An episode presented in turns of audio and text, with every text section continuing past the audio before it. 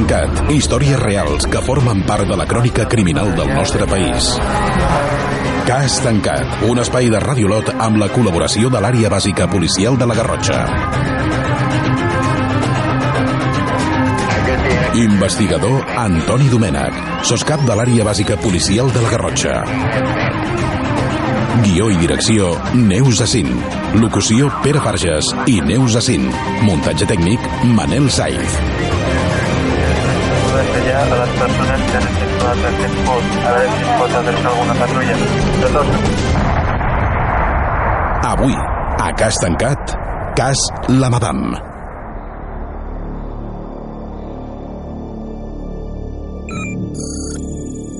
Divisió d'Investigació Criminal, Barcelona, finals de 2002. L'intendent responsable de la Divisió d'Investigació Criminal truca al cap de la Unitat Central de Delictes contra les Persones. El vol veure al seu despatx urgentment. Tot apunta a una nova crisi.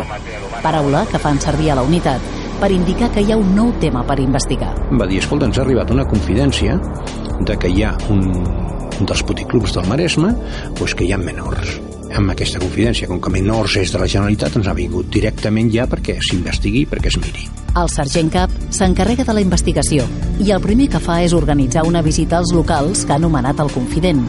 Per fer-ho, sol·licita el recolzament de la Unitat Central de la Policia Administrativa. Els agents es dirigeixen als clubs Calipso de Mataró, el Molí el Diana de Tordera i el Margarita de Vidreres. Nosaltres vam anar als prostíbuls, teníem ja, en coneixíem algun de propietari de prostíbul, va haver qui ens va donar informació que ens va semblar interessant. Llavors vam posar-nos a vigilar un dels prostíbuls. Els investigadors sospiten d'un dels prostíbuls i decideixen vigilar-lo. La policia administrativa va fent les inspeccions, però l'equip d'investigació observa, de paisà i a certa distància, els moviments del local. La vigilància dona els seus fruits. Els agents observen dues noies que podrien respondre a la descripció de la menor que estan buscant. Teníem una descripció física i, a més a més, quan nosaltres vam creure oportú, després de detectar dos o tres noies, aquesta és que em sembla que, em sembla que.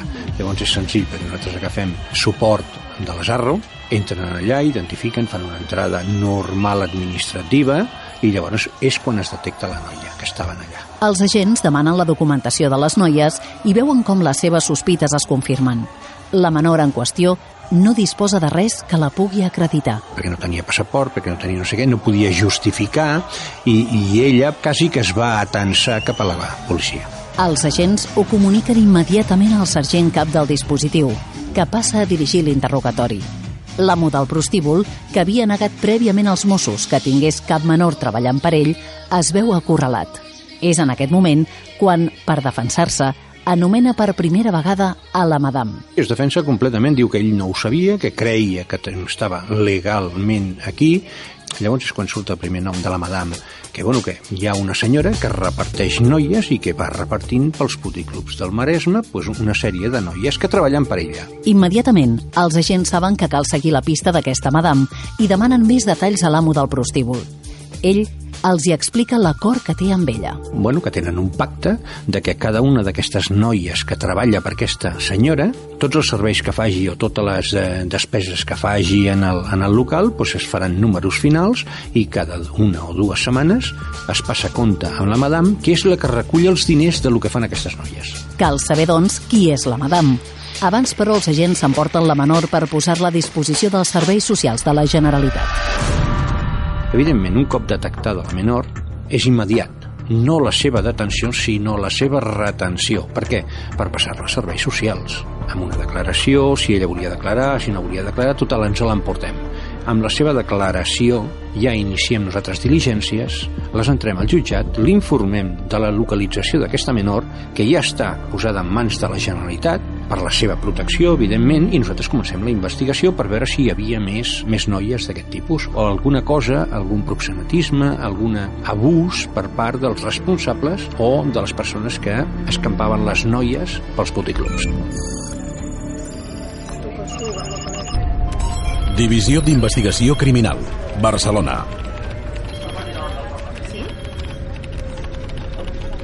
L'investigador i el seu equip es reuneixen i posen sobre la taula el que tenen fins al moment. La peça clau és la madame. Fan una cerca i veuen que no la tenen fitxada. Immediatament comencen els tràmits per identificar-la. Cal saber identitat, domicili, costums, col·laboradors, moviments i modus vivendi. Llavors demanem intervencions telefòniques del seu telèfon i comencem a vigilar-la, a seguir-la, seguiments, vigilàncies, a ubicar el, el local, casa, torre on tenia les noies començar a veure els vehicles amb els que feien el repartiment, clar, i tot això vas fent tot un dossier. Durant el seguiment a la madame, els investigadors intenten trobar alguna cosa que surti de la normalitat o algun indici que la delati.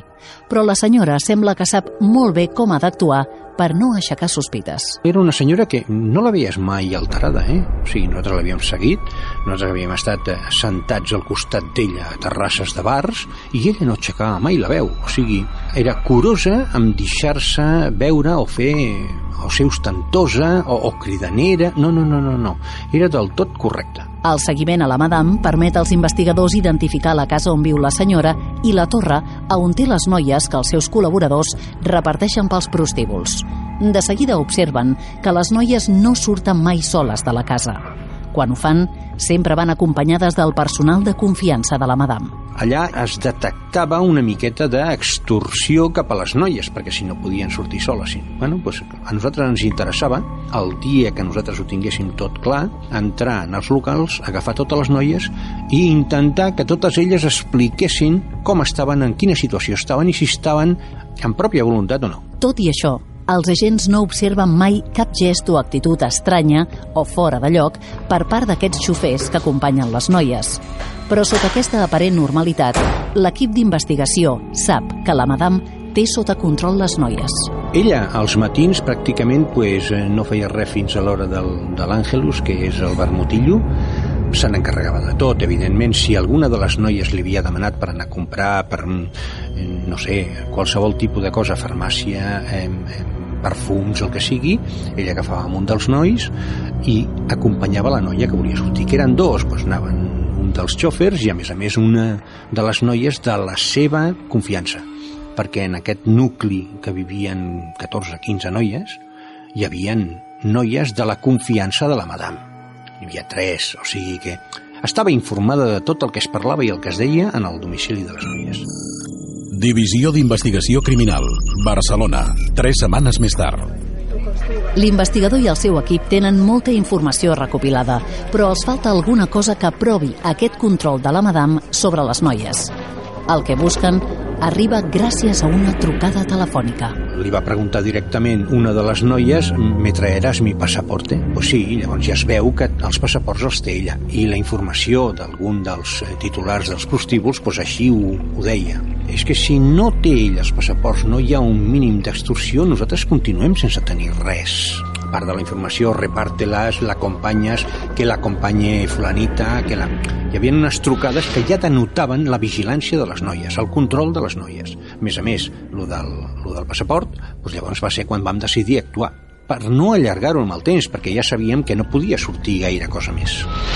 Amb aquesta informació, els agents es posen en contacte amb l'autoritat judicial, aporten totes les dades recopilades fins al moment per poder entrar en acció. Nosaltres teníem que ubicar tots els prostíbuls en els quals aquesta senyora feia el repartiment, en aquest cas van ser quatre, crec, crec recordar que eren quatre, i teníem que ubicar el domicili de les noies, quantes noies hi havien, i el domicili de la madame amb els seus eh, goril·les, per dir-ho d'alguna manera garatge on amagaven els cotxes i els cotxes localitzats tots. Eren dos furnetes grans i un vehicle d'alta gamma que és el que portava ella. Un cop tenim tot això, nosaltres ja estem en condicions de muntar el dispositiu per entrar el més aviat possible. L'equip d'investigació munta el dispositiu. Entraran al domicili de la madame, a la torre on hi ha les noies i als tres prostíbuls on volen assegurar-se que no hi hagi cap altra menor retinguda. Ho faran tot en un dia. Voltants de la casa de la madame. 8 del matí. Dos efectius de la unitat estan vigilant el domicili amb un vehicle de paisà. Al cap de l'operatiu, amb un altre agent, recullen la secretària judicial al jutjat i es dirigeixen a casa de la madame. Allà també hi arriba un vehicle dels Mossos amb dos agents uniformats. Truquen a la porta. Llavors obrir la porta i ens hi va veure. Ella sí que parlava el nostre idioma, se la va informar, vam entrar cap a dintre. Vinga, va, nois, comenceu per aquí. Vosaltres dos aneu cap allà. Tu i tu, veniu. Va, va, va, va, ràpid, això, eh? Vinga. Amb el secretari judicial ho vam revisar tot, vam veure tot, vam buscar de tot, ens, ens creiem, eh? nosaltres ens creiem que podríem trobar inclús drogues o alguna cosa. No, no, no, no, no, no, no. aquella casa estava completament neta i no es desprenia que tingués un atracau de les vigilàncies que havien fet.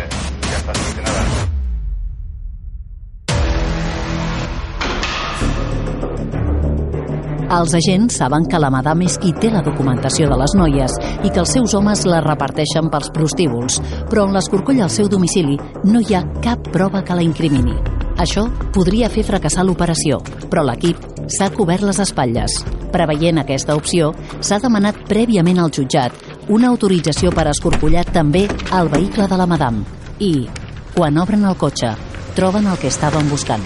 El seu despatx era el seu vehicle. Quan vam obrir a darrere el seu vehicle, ja, hi havia de tot. De tot, de tot vol dir joies, perfums, passaports eh, i un diari en el que apuntava el debe i l'haver de cada una de les noies sigui que sabia i ho portava molt bé i suposo que ho portava a davant de cada una d'elles, perquè més d'una vegada en les vigilàncies l'havien vist, parlant amb una de les noies, ves, aquí allà ensenyant el llibre i apuntant, i, i la noia assentint, dient que sí. Davant la troballa, la madame no mostra cap signe d'alteració. Només diu una paraula. Abogado. Els agents se l'enduen a comissaria i es dirigeixen al segon punt de l'operació, la torre on viuen les noies que els homes de confiança de la madame reparteixen pels prostíbuls. Allà hi ha dos agents de la unitat vigilant des del matí. Vinga. Torre a on la madame hi té les noies. Tordera. Els agents i la secretària judicial entren a la torre sense que ningú hi oposi resistència. És un domicili, saps que et trobaràs a dintre 14 noies, perquè ja teníem la informació, teníem el, el xòfer a baix, els dos xòfers a baix, doncs van amb ells, hola, policia, identificat, vinga, posa't aquí. Identificat, escorcollat tot el vehicle, cap a comissaria. I llavors entres al domicili, ho escorcolles tot, entres amb secretari judicial, eh? I el secretari judicial va reflectint en document tot allò que hi ha al domicili. La casa és petita per allotjar tantes noies. Els agents observen que viuen en unes condicions força precàries. No és agradable perquè veus i saps eh, la situació en la que estan i saps que quan surten doncs, eh, és com si es posessin una, una cuirassa al davant. És un, clar, arreglades, no sé què, i somriure doncs ja està tot arreglat. No, tu quan entres en aquest domicili on viuen 14 noies, no assinades, però quasi bé, veus la tristor. Veus tristor dius com poden arribar. En l'escorcoll del vehicle de la madame han trobat molta documentació que ara s'ha d'analitzar i buscar a qui pertany. Però la tasca no serà fàcil. Les noies de la casa no tenen cap tipus d'identificació amb elles. Allà no hi havia identificació possible, evidentment després entren els eh, psicòlegs, els serveis socials, eh, intèrprets, perquè n'hi havia més d'una que no parlava el nostre idioma, no et podies fer entendre amb ell, però clar, nosaltres necessitem un intèrpret i tenir-lo davant i, i preguntar-li a la noia. O sigui, treballem conjuntament amb, amb Generalitat, amb els serveis socials, amb, amb qui sigui, per intentar recollir el màxim d'informació. Un cop fet l'escorcoll, es trasllada les noies a comissaria per prendre declaració. Divisió d'Investigació Criminal. Barcelona. 3 quarts de 8 del vespre. La madame i les noies ja són a la comissaria i ara és el moment d'entrar als tres prostíbuls relacionats amb el cas. Es farà de forma coordinada i simultània. El sergent cap ho comunica a la sala CSIC. Nosaltres vam fer el comunicat a la sala de coordinació policial de Catalunya poder 20 minuts, mitja hora abans de fer les entrades. Nosaltres avisem perquè no hi hagi daltabaixos ni, ni, ni entrebancs, que no ens puguem trobar dos cossos policials fent la mateixa cosa. Si jo ho comunico, els que van a darrere van a darrere. Comença l'operatiu. Què tenien que fer? Entrar a tots els prostíbuls perquè a part d'aquestes noies n'hi havia més. I el que volíem és agafar informació. Clar, quan entres en un prostíbul, doncs n'hi ha moltes que no volen dir res. Clar, nosaltres anem a cremar el cartutx de trobar més menors. Teníem l'obligació moral de fer-ho perquè ja n'hi havia hagut, ja estava demostrat que n'hi havia. Llavors teníem que entrar a fer la, el dispositiu, agafar-ho tot, identificar totes i cada una de les noies, començar a preguntar si estaven voluntàriament o no, començar a fer diligències i aviam qui volia declarar i qui no volia declarar. Dels tres prostíbuls em crec recordar que van declarar cinc noies. De sobte, el sergent cap rep una trucada telefònica que no espera. És el responsable del grup segon de delinqüència organitzada de la Guàrdia Civil. Escolti, sergent, que nosaltres estàvem darrere d'això i tenim una de les prostitutes aquí a l'aeroport de Barcelona, que es veu que marxava al país i estava esperant a la madame perquè li portés el passaport i diners. La Guàrdia Civil està investigant el mateix tema que els Mossos, però com que ells han cursat l'ordre d'entrada primer, es queden al cas. L'investigador demana a la Guàrdia Civil que li portin la noia que han retingut a l'aeroport. Mentre els agents estan duent a terme els escorcolls als prostíbuls, arriba la noia que la Guàrdia Civil tenia retinguda a l'aeroport de Barcelona. En un primer moment, es nega a dir res, però l'investigador en cap la convenç perquè els expliqui la seva relació amb la madame.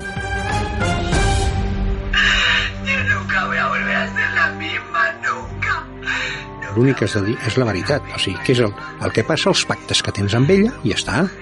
No demanem que denunciïs absolutament res, sinó que si tu estaves esperant el passaport perquè el tenia ella, diners que els tenia ella, doncs que expliquis això. Si tu estàs voluntàriament fent de prostituta, jo no diré res. No és missió meva. Vale?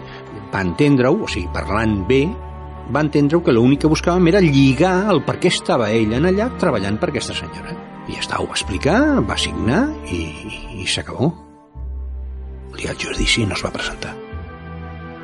Un cop acabats tots els tràmits, la investigació queda en mans del jutjat.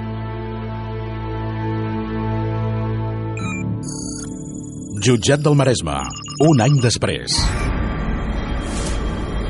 Es celebra el judici pels fets investigats. La menor ha desaparegut voluntàriament i les poques noies que han declarat asseguren que treballen per la madame de forma voluntària. Ella es presenta al jutjat, però els investigadors no arriben ni a declarar. La madame hi era, però la madame va sortir absolta i nosaltres vam anar allà i no, ens, no vam ni entrar a declarar perquè, clar, el no tenir el fiscal prous indicis per acusar amb aquesta senyora, perquè no tenia ni la menor, clar, llavors, bueno, l'acusació pues, es va retirar. O sigui, l'únic que es van portar al, al local va ser una sanció de sis mesos tancat per tenir una menor i, i poca cosa més. Al cap de sis mesos va tornar a obrir. La madame no va cometre errors que la poguessin inculpar i, malgrat la feina dels investigadors, el cas es va donar així per tancat. Després de les declaracions de les noies ja es va veure que era un pacte entre les noies i ella. Ella tindria el passaport fins que elles paguessin el muntant del valor d'haver-les portat del seu país cap aquí. No vam ser capaços de detectar-ne cap. I si n'hi havia alguna, no t'estranyi, i ho deixo així amb stand-by, que al marxar la primera, ella fes desaparèixer les altres, que les enviés cap al seu país o cap a una altra ciutat, al sud d'Espanya, qualsevol cosa. La valoració d'aquest cas és, és complicat, trist i decebedor. Si jo sento tristo, imagini's el que senten les prostitutes que tenen que venir d'un país en el qual passen gana per intentar tirar endavant a la seva família. Cas tancat.